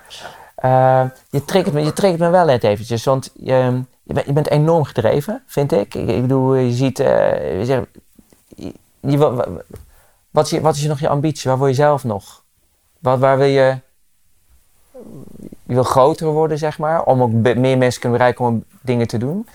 Wil je nog internationaal? Zit je daar aan te denken? Ja, zeker. Alleen, Echt? eh, Oké. ja, al, al heel lang. Ja, oh, echt? eh, Oké, vet. Ja, alleen Nederland. Ik heb, nu wel, ik heb nu wel wat. eh, ik, ik, ik, ik, ben, ik ben zelf ook gebruiker van jullie systemen van Huddle. Ik heb nog een Engels concept, maar ik ben blij dat ik het hoor. Maar serieus, je wil. Ja, de Huddle, Huddle kan gewoon in het Engels hoor. Ja. Dat- al onze tools zijn al internationaal bruikbaar. Alleen we vermarkten ze alleen maar in de Nederlandse markt. En, en België dan. Want eh, ja, wij zijn, ja, wij zijn nog lang niet groot genoeg in Nederland. Hè? Dus het zou onze focus versplinteren om nu internationaal te gaan. Want eh, ja, ik, ik heb zoveel ondernemers die gez- gezien die dan bij ons komen en zeggen... ja, ik wil meteen internationaal, want dan is de markt groter. Nee, eerst Maar bewijs. echt- Eerst. Ja, maar Nederland is echt groot genoeg. En ehm, als jij, eh, als stel nou dat ik mijn software nu ook in het Engels zou gaan aanbieden, ja, dan moet ik een Engelse website maken, ik moet eh, Engelse video's gaan maken, ik moet, eh, ik moet Engelse klantenservice gaan leveren. Ik heb ineens weer met een ander belastingssysteem te maken. Maar nog veel belangrijker, ik heb andere concurrenten en ik heb andere klanten. Want het feit dat mensen een andere taal spreken, betekent niet dat dat het enige is waarop ze anders zijn. Je hebt ook met een andere cultuur te maken. Ik ga tegen een Amerikaan, dan moet ik een heel ander verhaal vertellen dan tegen een Duitser. Hè, want een, een Amerikaan die houdt van dat, van dat sales. Tegen een Amerikaan zou ik zeggen, voor mijn software bijvoorbeeld, van wil je financieel vrij worden? Wil je miljonair worden Ja, zonder ja, dat ja, je iets voor ze te doen? Nou, ja. dan heb ik De Amerikaan. American dream, de American dream. Als ik Ja. dat in Duitsland ga zeggen, dan ga ik niks verkopen. Hè, bij, Du- bij Duitsers zou ik me eerder moeten zeggen van... Hè, wil jij een kwalitatieve business eh, opbouwen... waarbij je van waarde kan zijn voor de maatschappij, voor de gemeenschap... eh, waarbij je helemaal de eigen baas bent bijvoorbeeld. Dat zou veel, veel degelijker zijn daar. En dan, dan moet ik zelfs een beetje uitkijken met... eh, zeggen dat je er geld mee kan verdienen. Want Duitsers zijn nog traditioneel of conservatiever Ja, dat is wel dan mooi. Nederlanders. Co- context be- bepaalt dus daarin gedrag. Maar, maar je, Ja. die ambitie heb je wel. Want, Ja, wat, wat, ja. ik, ik, ik dacht, daar, ik, ik mocht het interview voorbereiden. Deze Ja. vraag had ik. Ik dacht, ik ja. ga hem stellen. Ja, ja, tuurlijk. Want Ja. dit, is- wel dit is interessant. Maar wat zijn nog eh, voor jezelf... ehm, eh, wat is jouw... Wat is het drijfveer niet van jezelf, maar van jouw brein? Want 95% wordt ook door, door jouw brein beslist. Maar, want je kan ook zeggen van jongens, ik vind het allemaal wel eh, goed zo. Eh, wa- wa- wat, wat drijft Tony? Nou, ik, ik, vind, ik vind het ook goed zo. Ik ben, ik ben, eh, business-wise ben ik heel erg gelukkig. Ik, vind, ik vind het prachtig om te zien wat er ontstaan is. Ik ben ooit in mijn eentje begonnen en nu zitten we hier met 25 mensen. Eh, hier zitten dan op kantoor al vier bedrijven. Ik heb er in totaal acht of negen. Dat is een beetje moeilijk. Ja. Nou ja, er zijn er net weer twee, Ja. twee bijgekomen. Ik heb nu ook een investeringsmaatschappij opgezet samen met mijn broer. En we zijn dan net weer in twee nieuwe bedrijven ingestapt. Maar daar zitten wij dan meer als, als coach in. Dus ik ben bijvoorbeeld in eh, fitgirls.nl ingestapt. Nou ja, dat is ook een, een groot platform met online producten. eh, maar in een heel ander soort markt. En eh, en daar zit ik dan meer als, als coach in. eh, samen met mijn broer dan. En we zijn nu in Brein TV ingestapt. Nou, hè, dat wordt dan, of hebben we opgericht dan met Albert Zonneveld. Dat wordt dan een soort van Netflix voor persoonlijke groei. Nou, het is ook weer online, maar het is ook weer een, een andere tak. Ehm, ja, ik vind En het wat drijft je dan? Is het, Nou, is ik het vind het angst? heerlijk om- Is het, of is het angst. Ja, nee, nee, nee. ik vind het heerlijk om, om dingen te bouwen. Te en bouwen. om dingen te zien groeien. Ehm, en ik kom nu eindelijk in een rol dat ik uit de operatie kom. Hè, want ik ben hier ook niet zo heel veel meer op kantoor. Hè, dus, dus ik heb in alle bedrijven die ik heb zitten partners. Ja. En eh, die runnen eigenlijk de, het bedrijf. Ehm, en ik richt En jij hebt ruimte. ik krijg ruimte, ja. ja. Dus ik heb geen uitvoerende taken meer in het proces. Ehm, ik hoef alleen maar de artiest te zijn. Dus bijvoorbeeld, Ja, de architect. Ja, de architect. Architect, artiest. Ja. Ja, ja klopt. Dus, dus bijvoorbeeld zo'n boek schrijven, dat is dan bijvoorbeeld iets wat ik doe. En dat is Ja. dan een katalysator voor alles. Hè? Ja. Dus, dus eh, mensen kopen dat boek en ze lezen dan over die bedrijven en die producten. Ja. Eh, of ze voelen zich verbonden met mij of met, bijvoorbeeld met Martijn. En, en daarom groeien die businesses. Hè, dus ik kan mezelf als katalysator gebruiken. Want ik kan ofwel mijn eh, kennis toevoegen. Hè. Dus door bijvoorbeeld het team of de partners te coachen. Ofwel ik kan eh, vermogen toevoegen. Ik kan dingen van Ja. financieren. Eh, ik kan mijn netwerk kan ik toevoegen. Dat is toch heerlijk? eh, Ja. Ja, en ik kan mijn, mijn software tools toevoegen. Dus ik heb een mandje voor mezelf verzameld. Van nou, ik heb een hoop waarde te geven. Anders dan de feitelijke uren die ik maak. Ja. En dat maakt mij, ja, dat maakt me los. En dat, ik vind dat heel gaaf. En, en eh, ik, tuurlijk, eh, de, geld speelt een rol in de zin van geld is een beloningsmechanisme. Dat je Ja. kan zien hoe goed het met je gaat. Ja. En hoe goed het met je bedrijven gaat. Maar je komt al heel snel, of ik kwam al heel snel op een punt dat ik dacht van ja, maar mijn leven gaat nu niet meer anders worden, privé gezien, Nee. door die euro's. Nee. Dus waarom zou ik mijn bedrijf groter maken? Want het betekent alleen dat ik meer verantwoordelijkheid krijg en meer moet werken. Terwijl mijn leven er dus niet meer anders van wordt. Dus ik heb ook heel vaak wel een stagnatiemoment gehad. Ja. Ik dacht van ik hoef helemaal niet groter. Want ja, waarom zou ik dat doen? Daar heb ik alleen maar mezelf mee. Ja. Maar als je dan op een gegeven moment... eh, ik realiseerde bij mezelf... van, ik vind het gewoon heel fijn om werkgever te zijn. Had ik nooit verwacht. Ja. Eh, vroeger juist helemaal niet. Ik wilde helemaal geen personeel. Maar ik vind het prachtig als ik hier dan op kantoor ben. En dan lopen nu 25 mensen rond. Of niet allemaal tegelijk dan nu, eh, officieel. Ehm, en, en, en ik zie dat bij elkaar komen en er zijn, er zijn teamuitjes en ik zie hoe die cultuur ontwikkeld is. En die cultuur is veel verder gegaan dan wat ik ervan had kunnen maken. Ja. Dus ik heb een clubje verzameld en ik heb er heel veel geïnvesteerd om een hele fijne cultuur te bouwen met de eerste vijf, zes mensen. Ja. En daarna zijn er mensen in dienst gekomen die die, die cultuur next level hebben getrokken. Ja. Wat echte cultuurdragers zijn geworden. Want er lopen hier gewoon mensen rond die zijn daar veel beter, in dan ik. Ja, en, en dat is op alle fronten is dat zo. Hè? Dus, dus er worden nu overal dingen ontstaan eh, waar ik niet per se direct iets mee te maken heb gehad. Maar ik heb ooit de basis gelegd. Ja. En da- daar krijg ik een heel dankbaar gevoel van. Vind, ik- vind ik leuk. En, ehm, en ik vind het, ja, ik vind het gewoon, gewoon tof om eh, daardoor te groeien. Hè? Want een groter bedrijf of een andere rol betekent ook weer dat je nieuwe uitdagingen krijgt. Dus, Ja. dus als je altijd alleen maar op hetzelfde niveau blijft acteren, dan groei je op een gegeven moment niet meer. Je groeit zelf niet. Ja. En jij groeit, ja. Ja, dus hier groei ik. En dat had niet per se in business hoeven zijn hoor. Ik heb ook bijvoorbeeld eh, samen met mijn broer dan ook weer een, een eigen stichting opgezet. Ja. Hè, De Loorbach Foundation. Lekker Ja. egocentrisch. Maar ik denk, ja, hoe cool is dat? Dat je gewoon een stichting hebt en dat je daar de, je- de rest van je leven aan kan bouwen. Ja. En ik weet nog helemaal niet of dat eh, mijn passie gaat worden of niet. Ik vind het vooralsnog heel leuk. Je, je experimenteert. Ja, en, eh, en, er- en er komen weer nieuwe dingen uit. Want ja, kijk, ehm, eh, ik, ik heb nog nooit goede doelenwerk gedaan. En Dus nu financieren we heel veel. Ja. Maar ik ben, nog, ik ben nog niet feitelijk naar het buitenland geweest om daar eh, een, een waterput te gaan slagen, Nee. bij, wij, bij wijze van. Nee. Ik weet ook niet of ik, of ik dat type ben. Maar daar kom je alleen maar achter als je het gaat ervaren. Ja. Eh, en dat is eigenlijk, hè, dat jij zegt, ja, al je gedrag is onbewust. Ja, ik heb altijd maar gewoon gedaan wat er op mijn pad kwam. En Ja. dacht van ja, ik blijf maar gewoon steeds een stapje verder gaan. En dan, eh, dan zie ik wel waar het schip strandt. Als het strandt. Maar eh, even terug naar dat brein. Ja. Is het... Dat nu een heel want- ander soort nee, nee, nee, maar Ja. dit- nee, ik, we hebben, dus, ehm, hoe, wil je, hoe, hoe zie je jezelf? Ik vind dat, vertel daar eens iets meer over dat brein tv, hè?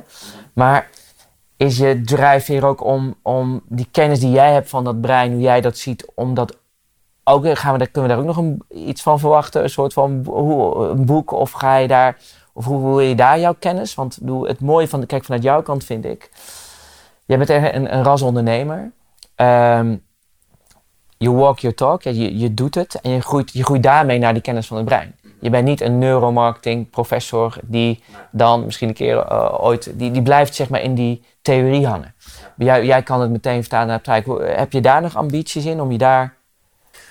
Nee, ik ben er wel, wel eh, eh, gezond jaloers op. Ik vind, eh, dat zul jij misschien ook wel hebben. Je leest ook heel veel hè, over Ja. neuromarketing en al dat soort dingen. Ja. En dan, dan heb je weer een wetenschapper die dan een eigen onderzoek heeft gedaan met Ja. MRI-scanners erbij. En Ja, En dan denk ik van, oh, dat ben ik ja- jaloers op. Dat, dat ga ik niet halen in mijn leven. En, eh, en daar, kijk ik dan, daar kijk ik dan ook als een berg tegenop. Weet je? Ik heb met types zoals ik, goeroes, trainers, heb ik niet zoveel mee. Nee. Eh, ik volg ook helemaal niemand. Nee. Maar ik, ik, vind, ik vind het leuk om dat soort wetenschappers Ja. wel te volgen. Daar heb ik dan onwijs respect voor. Ook omdat ik weet wat je er in je leven voor op moet offeren om zo ver te komen. Ja. Eh, ik zie mezelf dat niet doen. Nee. Ik vind het wel fijn om dan met hun inzichten aan de hal te gaan en daar dan En dat iets weer vertalen. En Ja, dat weer vertalen naar, klopt. naar chocola, zeg maar. Dat, Bijvoorbeeld, eh, ja. ja, ja, Ja, dit- dus- iets Ja, dat, concreet. Ja, dat vind ik leuk. Alleen eh, ik, ik zoek het inderdaad iets meer in het praktische. Hè, Ik heb bijvoorbeeld met, ehm, met, met Albert Sonneveld heb ik bijvoorbeeld de Psychologie van Succes podcast. Ja. En eh, hij is psycholo- psycholoog, Ja. gelukkig, hè, want ik ben dat officieel niet. Ja. Ehm, bij mij is het meer hobby, of uit de hand gelopen hobby. En ehm, ja, daar beantwoorden we gewoon vragen van, van mensen. En dat, zijn, dat is echt uit het leven gegrepen. Hè? Dus dat zijn echt dingen als van ja, ik, ehm, eh, ik, ik pieker heel veel. Hoe kom ik van het piekeren af? Ja. Of ehm, ik, ik heb moeite met boos worden. Ik laat altijd alles over me heen komen. Ik word nooit boos. Nou, een week later iemand zegt, ik ben altijd boos. Hoe kom ik daarvan af? Persoonlijk. Ja. Of eh, ik, eh, ik, ik, ik heb geen passie in mijn leven. Kan het zijn dat ik zonder passie ben geboren? Of hoe vind je dan je passie? En eh, ja, ik kreeg gisteren nog iemand die stuurde me een bericht met... wat is het nut van het leven? Ik denk, hoe, een beetje uitkijken. Ja, het heeft een nut, denk ik. Ehm, maar dat, dat, is- dat is echt uit het leven gegrepen. En daar praten wij dan over. En soms halen we wat wetenschap aan. Ja. Ehm, maar meestal, meestal niet. Hè. Albert is, is natuurlijk de inhoudelijke van de twee. Ja. En ik kan gewoon uit mijn leven vertellen wat ik heb ervaren. Of ik denk Ja. van nou, ik, ik herken dit. Of Als juist- ervarings... eh, ja. ja, en eh, dat, dat vind ik heel erg leuk. Ja. Eh, omdat het, eh, het is relatief simpel. Ja. Maar het raakt mensen echt. We Ja. krijgen er zo, zo vreselijk veel reacties op. Ja. En, en dat is leuk. En dat was voor mij ook het inzicht, dat, hè, daar hebben we het in dit interview ook over. Van ja, eh, sta ik nou op het podium om, om te preachen? Of sta ik nou boeken te schrijven waar ik uitleg hoe het zit? Ehm, of doe ik dit? Hè? En dit is gewoon je verhaal vertellen. En, en op een podcast dan in dit geval. Waar mensen je weten te vinden. En waar je, waar je echt een klik met mensen maakt. Ja. Hè, dus, dus mensen voelen zich echt verbonden. Hè. Wij gaan elke dinsdagochtend gaan we online met een, met een aflevering. En ik doe dat s ochtends om zes uur al, omdat ik weet dat mensen dan in de auto zitten naar hun werk te luisteren. Dan doe ik het niet. In plaats van pas om tien uur, dat overkomt me heel vaak. ja, ja. Dan krijg ik al berichten van mensen die zeggen van, waar is de aflevering van vandaag? En hoe bereid je daarvoor? Krijg je die vragen van tevoren? Ja, dat, we, Oké, we oké. vragen dat gewoon in de podcast. Als je een vraag hebt, dan stuur ons even op social media een berichtje. Dus En, dan pak je daarna de vraag uit en dan, eh, dan ga je daarmee verder. Oké, eh, we gaan even naar, we gaan denk ik zo ri- ri- richting, richting afronding, denk Tony. Eh, herhaal eens even, jou, wat, wat, wat wordt het nou? Wat, wordt- het wordt dus de, eh, de AHE, Het gaat zeg maar. over afleiding, herkenning en emotie, Ja. denk ik. En door, wat, dat vind ik een interessante, door die emotie komt die conversie vanzelf. Maar mag, mag ik dat zo, want eh, ik, ik- denk dat we dat, stukje pakken? niet. Ja, ik denk dat we dat stukje niet af hebben gemaakt. Hè? Dat, dat, dat, het begon een beetje over eh, de balans tussen, tussen pijn en genot. Eh, van, hè, dat, dat zet mensen aan tot actie. En ehm, Het is wel leuk dit interview, want we, gaan, we, zitten, onze, eh, we zijn het model aan het creëren. maar is het misschien trigger als laatste stap? Dat je eigenlijk dus zegt, want je triggert me nu ook alweer even, to- toch een keer even, wat misschien niet helemaal in je natuur zit, maar toch even, jongens, die, die ehm, Black Friday actie, toch even een actie om uitstelgedrag te voorkomen. Ja. Is dat misschien dan die laatste?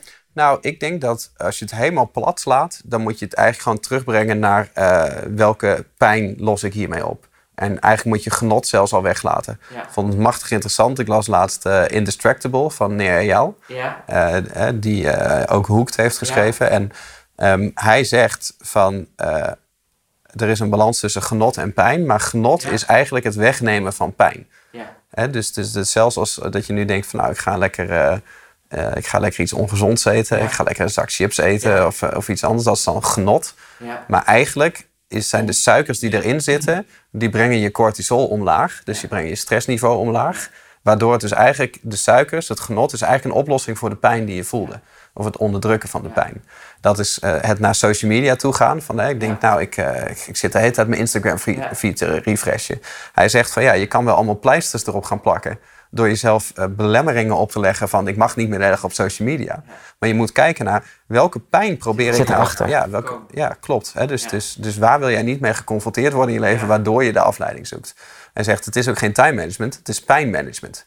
En, en dat is online is dat In de eigenlijk kern. ook. Ja. Ja, ja, ver- verlies doet twee keer meer pijn dan winst. Eigenlijk in de kernmotivatoren zit, het zit fear, greed en social.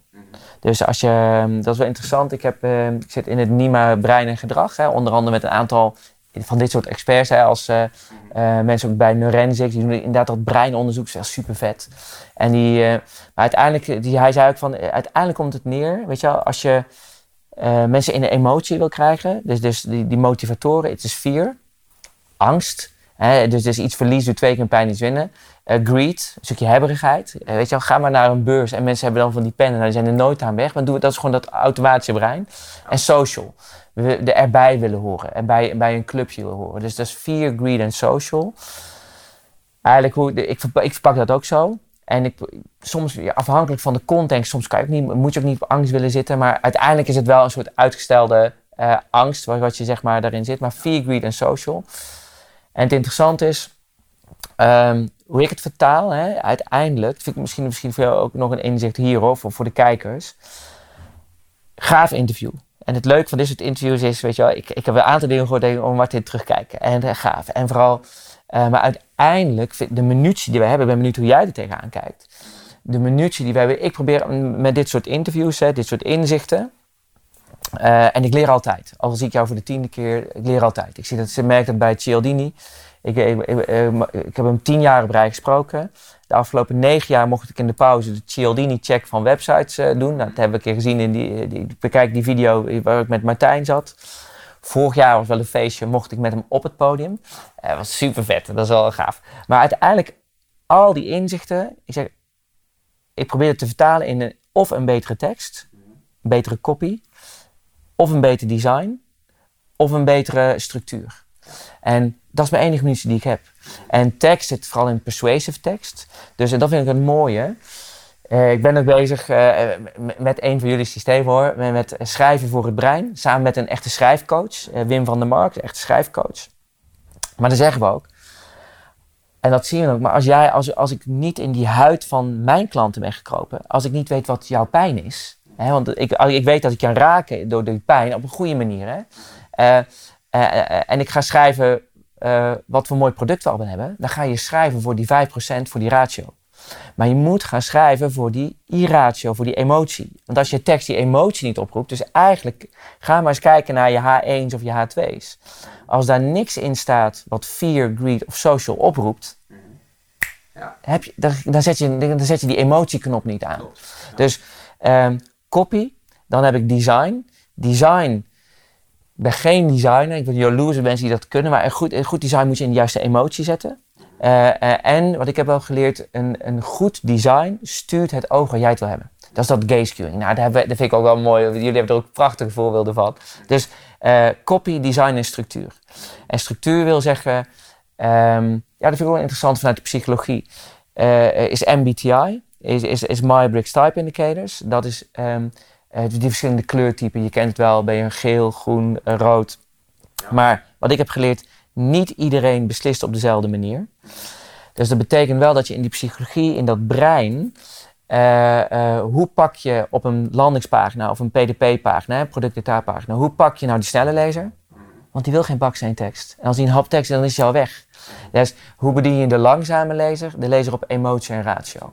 Klopt. Nou ja, maar kijk, dat, ik, ik heb gemerkt dat uh, het, het, vakgebied is machtig interessant. Want wij kunnen uren praten over. We kunnen zelfs helemaal het brein ingaan en al die onderdeeltjes gaan benoemen bij wijze van hoe dat werkt. Vind ik ook altijd heel interessant. Alleen het punt is dat je dan er vervolgens niks mee, mee kan. En zeker de gemiddelde ondernemer die hier geen expert in is. Nee. En dat is uh, net als bijvoorbeeld fear, greed en social. Ja, dat is een handig ezelsbruggetje om te gebruiken. Alleen in de kern kun je die drie dingen kun je ook weer terugbrengen naar, naar pijn. Ja. dus, dus... Dit vind ik echt een mooi, voor mij weer een mooi inzicht. Maar dat, ja, dus dan hoef je er geen, drie, geen, geen drie te onthouden. Maar, maar, je brengt het terug naar, uiteindelijk zeg je... Nou, uiteindelijk komt het allemaal uit pijn. Hè? Want uh, angst, angst is altijd een angst voor pijn. Hè? Dus, dus, dus, dus, dus bang dat je ergens aan pijn gaat doen... of dat je erop ja. achteruit gaat... of dat je de controle verliest... is allemaal pijn gerelateerd. Uh, greed, hebberigheid, is waarom, waarom wil jij zoveel hebben? Hè? Dus waarom wil je heel veel geld hebben? Waarom wil je heel veel bezittingen hebben? Soms is dat bijvoorbeeld door status. Ja. En als je geen status hebt, of dan ben je, Social status. Nou, ben, je, ben je bang um, dat, je er niet, dat je er niet bij hoort. Of dat je niet gerespecteerd En ben je bang, angst is pijn. Um, status geeft ook een bepaalde macht, hè? geeft een bepaalde extra overlevingskans. Hè, is ook allemaal terug te relateren aan angst, allemaal aan pijn. Ja, uh, sociale status, social proof, net zo. Een van, we hebben bijna geen aangeboren angsten, mensen. Hè. Dus bijna alle angsten die je hebt zijn niet aangeboren, maar die zijn aangeleerd. Maar een van de aangeboren angsten die we wel hebben, is de angst om niet geliefd te zijn. Ja. Al dan niet de angst om er niet bij te horen. Want mensen zijn gewoon kuddedieren. Mensen zijn groepsdieren. We kunnen niet alleen overleven. Dus dat zit altijd in je kern. Daarom hechten we ook zoveel waarde aan de mening van anderen. Dat zien we nu ook in de coronatijd. Hè? Ik zei het net voor het interview. Uh, groepsimmuniteit hebben we nog niet bereikt. Maar groepsangst, dat duurde maar een knip voor. Ik weet ook te veel. En daardoor is die angst. Ja, maar je ziet dat als, als een mens een 100% vrije keuze heeft om te beslissen wat hij wil doen, dan kies je meestal datgene wat de meeste andere mensen ook doen. Ja. Dat is je referentiekader. En dat is, en dat is online ook. Hè? Als jij zegt van mijn cursus is fantastisch, dan is het opscheppen. Maar als ik over jouw cursus schrijf van de cursus van Martin is fantastisch, dan is het bewijslast. Ja, ja. Dus, dus eh, dat, dat wil je daar gebruiken. Dus denk van als je het heel simpel voor jezelf wil houden en nou na dit hele interview denk van nou, ik geen idee meer waar ik moet beginnen.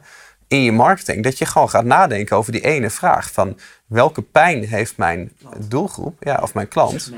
Ja, dus ofwel uh, is het een, een, pijn die ze nu hebben, een acute pijn. Hè, dus een probleem wat ze hebben, wat jij wil oplossen. Dan kun je daarop inspelen door te zeggen van nou, ik neem deze pijn bij jou weg. Of de schaarste van als jij mijn product niet koopt, dan uh, is dit hoe je leven eruit gaat zien. Dan hou je de pijn. Dus dan ga je, hè, jouw, jouw product kan ook bijvoorbeeld pijn voorkomen, hè, pijn in de toekomst voorkomen. Uh, je kan ook pijn gaan, uh, gaan opwekken hè, of pijn gaan, gaan herinneren. Hè. Bijvoorbeeld, uh, stel dat jij stoppen met roken cursussen verkoopt. Dan kan je natuurlijk ook wel tegen mensen zeggen van... reken even uit wat je de afgelopen jaren aan sigaretten hebt uitgegeven, bijvoorbeeld. En dan creëer je een bepaalde pijn waar iemand zich niet bewust van was. Uh, en dan zet je dan tegenover van als jij niet stopt met roken, afgezien van de gezondheidsgevolgen, zijn dit de gevolgen voor je portemonnee. En dus zo kan je wel iets wat al in de mens zit, want het zit er allemaal al in. Jij maakt het, jij maakt het alleen, alleen los. Ja, en, en dat is ook wat mooi. Ik weet niet of je die, ik weet die uitspraak kent van Kahneman. Is uh, what you see uh, is all there is. Nee, het interessante, dat is... Um, die, die vind ik wel extreem interessant, zeker in tijden van corona. Als, ik nu even, als we nu toch even dat haakje hebben. Ondernemers laat, zeg maar, laat gewenst gedrag zien. Ik zag laatst een ondernemer, een horecaondernemer, en die natuurlijk, die, het is natuurlijk extreem uh, bizarre situatie. Maar die, die was het dan niet mee eens met die anderhalve meter. Dus dan een filmpje maken en dan uh, koffie over de dingen gooien. Ja jongens, dat, dan gooi je je eigen glaas in. Maar als jij, want mensen zijn angstig hè. Dus als je mensen ontzorgt, kijk, zo, zo kom je bij ons. Je kan je handen wassen, netje en, en dat. En je laat dat gewenst gedrag zien. Ja, weet je wel, dan, dat is what you see is all there is. Dus en dat vind ik wel zeker interessant in deze tijd. Hè. Uh, en uh, dat zie ik, dat merk ik ook nu bijvoorbeeld met, met dat schrijven. Een goede tekstschrijver, copywriter, die bepaalt waar jij gaat denken. Want die bepaalt wat je opschrijft. En what you see is all there is. Dus ik bepaal waar je over na gaat denken. En dat, dat is ook wel het enge in, in, in de nieuws eh, wat we nu komen. Als, wij in de krant, als je de krant open doet en je ziet de kop uh, corona is terug, dan denk je meteen, ja, dan gaat alle angst uh, weer, weer, weer op. En dan, oeh, dan gaat dat en dat, dat niet door. Dus ik heb ook wel gezien, ook in deze tijd, ik ben ik benieuwd hoe jij die tijdstijd door bent komen. Op een gegeven moment heb ik gewoon opgehouden met al die informatie lezen. Want dan word je helemaal in die angstmodus gedaan. En dan kom je ook niet echt meer, meer vooruit. Dus Um, what you see is all there is, zeg maar. Dat is ook nog even een belangrijk. Hoe, we gaan afronden. Hoe ben, jij, wat, zijn, hoe ben jij door die coronatijd heen gekomen? Wat, was, wat waren jouw... Uh, ja, je zit er online. Dat werkt natuurlijk. Nou ja, eh, business-wise zijn wij zo'n beetje verdubbeld. Ja. Uh, kwam ook door de lancering van het boek. Uh, en de acties die we daarna hebben gedaan. Ja. Maar er is ineens ongelooflijk veel vraag naar mensen die een online business willen bouwen. Um, dus, dus voor ons was het zakelijk gezien was dat, was dat goed. Um, wij zagen ook dat heel veel bedrijven hebben al hun vacatures offline gehaald. Um, waardoor onze vacatures ineens meer opvielen. We hebben zeven mensen aangenomen in twee weken tijd. En gewoon ook mensen die al een andere baan hadden. En die gewoon gecanceld zijn. Dat ze te horen kregen van ja, ik, uh, vanwege corona gaan we even geen uh, mensen aannemen. We zien dat onze advertenties zijn allemaal goedkoper geworden. Want bedrijven zijn allemaal maximaal gestopt met geld investeren. Dus die, die groepspaniek hè, van mensen denken, oh, er, komt een, er is corona, er komt een crisis. Dus per direct stoppen we met geld uitgeven. We stoppen per direct met investeren in ons bedrijf. Maar ik denk, je moet juist, in, nu. juist nu, in tijden van crisis, moet je gewoon uh, daar, daarop inspelen. Dus daar zijn we, ja, wij hebben het drukker gehad dan ooit. Dat, dat is het punt niet. Wat is er voor jou persoonlijk veranderd? Wat heeft het, jou, heeft, heeft het, wat heeft het versneld? Heeft het Ehm. versneld? ja, de groei van online? Nee, dat, dat niet. Ik, ik denk wel, een, een crisis versnelt altijd dat het oude plaats moet maken voor het nieuwe. Ja, dus never waste, waste a good crisis. Maar bij, bij ons hele bedrijf was eigenlijk al ingericht op, op een coronatijdperk. Dus Ja. wij hebben op geen enkel front gemerkt eh, dat we daar schade van hadden. Het enige wat wij merken is dat we echt een, ja, we hebben echt een hele hechte club mensen. ja, ehm, die elkaar op een gegeven moment wel echt gaan missen. Ja. Zelfs ik. Ja, Want, hè, ik. Ik zeg heel vaak voor de grap van, nou, ik hou niet van andere mensen. Nee. Er zit ook wel een klein beetje een kern van waarheid in. Maar ik had zelfs op een gegeven moment dat ik zoiets had van, nou, ik word een beetje grimmig. Ja. Ik eh, word een beetje kort af. ja. Ik zat dan ook nog eens zo'n boekenchallenge te doen. Hè? dus ik had 60 boeken, ik zou dat- 30 ja. boeken gelezen in zes weken. Dus ik zat propvol met input. En ik, en ik sprak niemand. Nee. Dus elke keer als ik dan iemand zag, dan was ik maar aan het blaten en aan het blaten. Dus ik ben blij dat we nu er een keer een camera opzetten. En dan voelde ik me daar achteraf dan weer helemaal schuldig over. En denk, goh jongen, hè, eh, je had ook wel even iets rustiger kunnen zijn. Of misschien ik een vraag terug moeten stellen. Ja, ook, het is vooral sociaal. Zeg maar, Ja, sociale aspect, ja. ja. Dus misschien heeft dat het bij mij wel versneld. Dat ik er nu achter kom dat ik misschien ook wel een soort van echt mens ben. Die ook behoefte heeft aan, aan sociale contacten. Ja. Eh, en nu dat ineens zo extreem is uitvergroot. Ik, ik wist eigenlijk niet dat ik daar zo, dat daar zo vreselijk veel waarde aan hechtte. Ja. Ja. En bij jou? Ja, goede vraag. Ik heb, eh, je kent me, ik, zeg, ik heb twee dagen in de week geef ik trainingen en doe ik ook veel sprekerssessies. hè? dus een dagvoorzitter spreken. En drie dagen in de week begeleid ik ondernemers zeg maar, in digitale groei. Ja, en ik moet wel zeggen, het, eh, wij hadden ook... ehm, we, ik, we zou, ik zou zeg maar die maandag al hier naartoe komen voor die boekbespreking. Maar toen voelde ik, had mijn laatste training al, wa- was al niet meer fijn. Want er zaten mensen al te veel in de angst. Dat zag je, hè, was, mijn laatste training was op die vrijdag daarvoor. Met doekjes. Eh, mensen durfden eigenlijk al niet naast elkaar te zitten. Dus het was een hele gekke sfeer. Dat moet ik echt wel, en je ging zeg maar. dus het was al een gekke sfeer, maar dat merkte ik ook wel. Kijk, als mensen niet in de juiste emotie komen, gaan ze die kennisoverdracht niet pakken. Dus toen had ik al een beetje, gaat, dit, dit gaat niet goed. Ehm, dus de, ehm, maar mijn trainingen, kijk, mijn dagvoorzitterschap, dat viel weg. Eh, en sprekers in het begin. Maar die trainingen, die ging, binnen drie dagen had ik mijn training eh, in Zoom klaar. Dus ik ging echt van room to Zoom. En ik moet zeggen, dat, dat, dat verba nou, verbazen of niet, eh, ik kon toch die connectie maken. Want het is heel belangrijk, hè? het is zeg maar eh, eh, attract, connect, persuade, convert. Maar het heeft natuurlijk een opbouw in je verhaal, dus je moet een connectie maken. Maar door toch even, je had het gevoel bij elkaar. En wat ik wel het mooie vond ook bij, bij sommigen, bij, ik merkte ook dat nu, ik begeleid ook zeg maar ondernemers en ook teams. Hè, degene die normaal nooit wat zeiden in een groep, daar die konden nu eh, op hun gemak, zaten ze achter de laptop, die hadden wel weer inbreng. Dus het gaf ook een, bepaalde andere dynamiek. Dus ehm, heel veel gelukkig ook heel veel trainingen eh, via Zoom. En het mooie is, what you see is all there is. Ik heb meteen mijn profielfoto op LinkedIn ook aangepast naar eh Zoom-foto. Gewenst gedrag laten zien. En ik krijg nu gewoon aanvragen voor nieuwe trainingen. Het gaat natuurlijk naar blended toe. Hè. Daar ben ik wel heel erg benieuwd naar. Want ja, grotere events, daar ben ik echt wel benieuwd naar wat dat gaat komen. Hè. Eh, het wordt weer kleiner. Dus, ehm, maar andere kant, dus de, wat van die dagvoorzitter wegviel. Ja, ik word nu steeds meer gebeld. Ik had hiervoor heel veel contact met marketeers. Maar nu krijg ik steeds meer de directies aan de telefoon. Van, ja Martin, ehm, eh, normaal krijgen we leads via internationale beurzen. Maar ja, er zijn even wat minder of geen internationale beurzen. Dus hoe komt dat? Dus die website is veel belangrijker. En je ziet, ik zie, dat zie ik vooral B2B. Eh, eh, van, eh, de website was eigenlijk een etalagevorm. En die moet nu echt naar een saleskanaal. En dat vind ik wel vet. En ik heb nu echt drie, vier trajecten nu al lopen. om mensen mee te nemen in de praktijk. Hè. Dus die krijgen dan een SEO-workshop in de praktijk. En we nemen ze, ik neem zeg maar teams en organisaties zet ik in beweging naar die digitale transitie.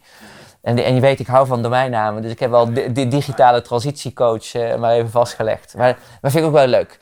Ik merk voor mezelf, ehm, daar groei ik ook weer in. Dat is ook weer iets nieuws. En ik ga, ik ga wel meer naar strategie en uitvoer. Ik, maar ik kom wel vanuit die uitvoer. Ik, vind, ik moet ook dingen doen. Ik moet met mijn poten in de modder zitten. Maar ik zie wel dat we nu echt meer bedrijven vanuit de strategische hoek gaan helpen om dat te doen. Dus dat is voor mij veranderd. En persoonlijk privé, ik wilde ook even stilstaan. Van wat, eh, ik vind het ook een mooie tijd en dat, dat zou ik ondernemers ook willen meegeven. Sta eens even stil van waar krijg je nou zelf energie van? Want energie leidt tot actie. En ehm, En ik probeer, maar dan, ga ik, dan gaan, wij, gaan wij even buiten de kamer om, even voor jou nog wat tips hebben. Ik probeer zelf ook mijn nieuwe habits aan te leren. Van, eh, Martin, stop nou eens een keer om acht uur. Echt. Eh, doe die laptop nou eens dicht. Want je hebt ook kinderen en die zijn nu 12 en 14. En als jij dit gedrag laat zien, is niet altijd goed, Martin. Dus, eh, en dat merk ik, je eigen gedrag veranderen. Ik heb best veel kennis van het brein. En je eigen gedrag veranderen, man, dat, dat is een van de moeilijkste dingen. Ja, trainer geworden. Daar ben ik makkelijk om andermans gedrag te veranderen. Exact, maar je mijn eigen gedrag veranderen, die habits creëren. Ehm, ja, dat is wel mooi, uh, in, in, de afronding door, maar dat is wel mooi.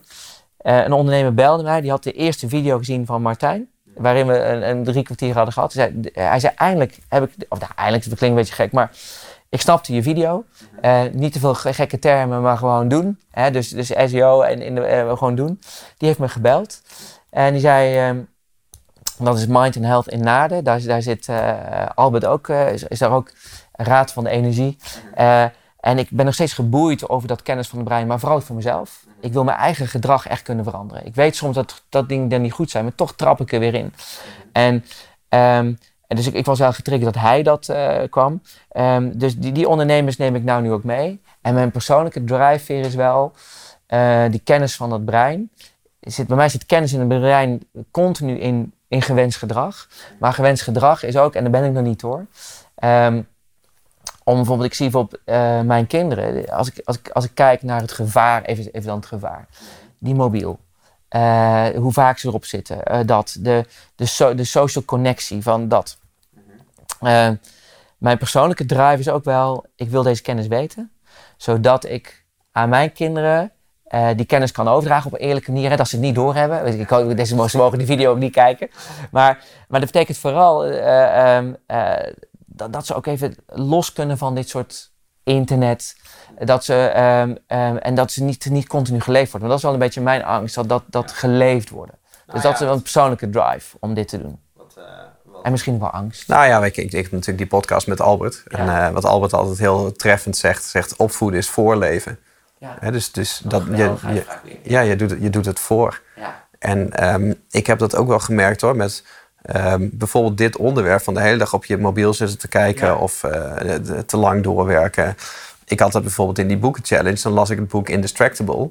En ik dacht van ja, dit, dit raakt me toch weer. Ik weet het wel, maar ik doe het niet. Nee. En uh, normaal gesproken zou ik dan geneigd zijn om te denken van ik ga dit nu doorvertellen aan mijn team. Van hè, ik heb dit geleerd, dit moeten jullie nu ook snappen. Maar uh, dat werkt, mensen overtuigen werkt niet. Uh, maar inspireren wel. Dus je kan het op twee manieren doen. Je kan het ofwel voor gaan doen. dat, uh, dat jij uh, laat, laat zien hoe je anders bent gaan leven. Nou, is in ja. coronatijd een beetje moeilijk.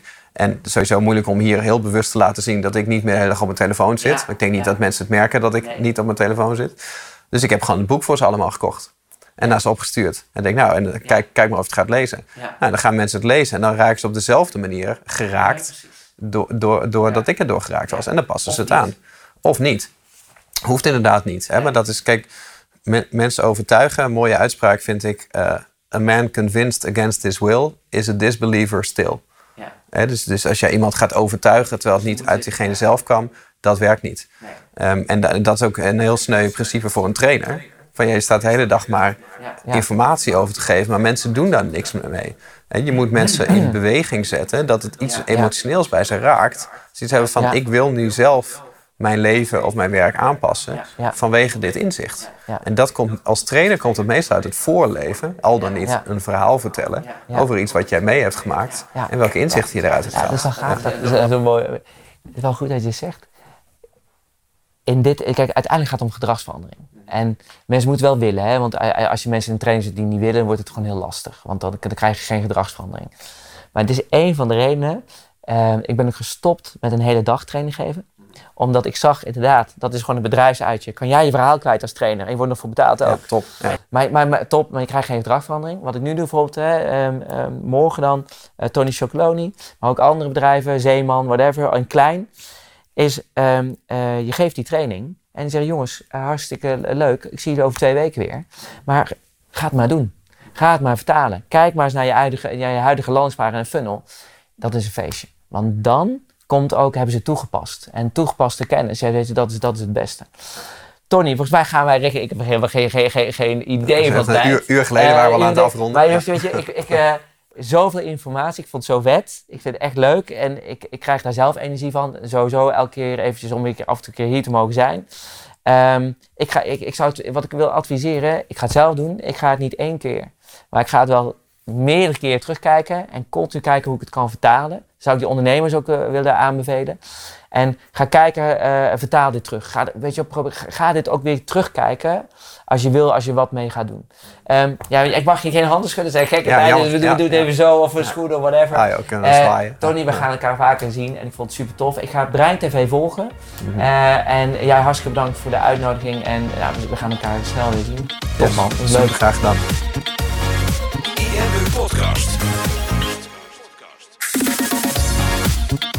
Super tof dat je hebt geluisterd naar de IMU podcast. Ik hoop dat je dit waardevol vond en dat je er inzichten uit hebt kunnen halen voor jezelf en voor je eigen business.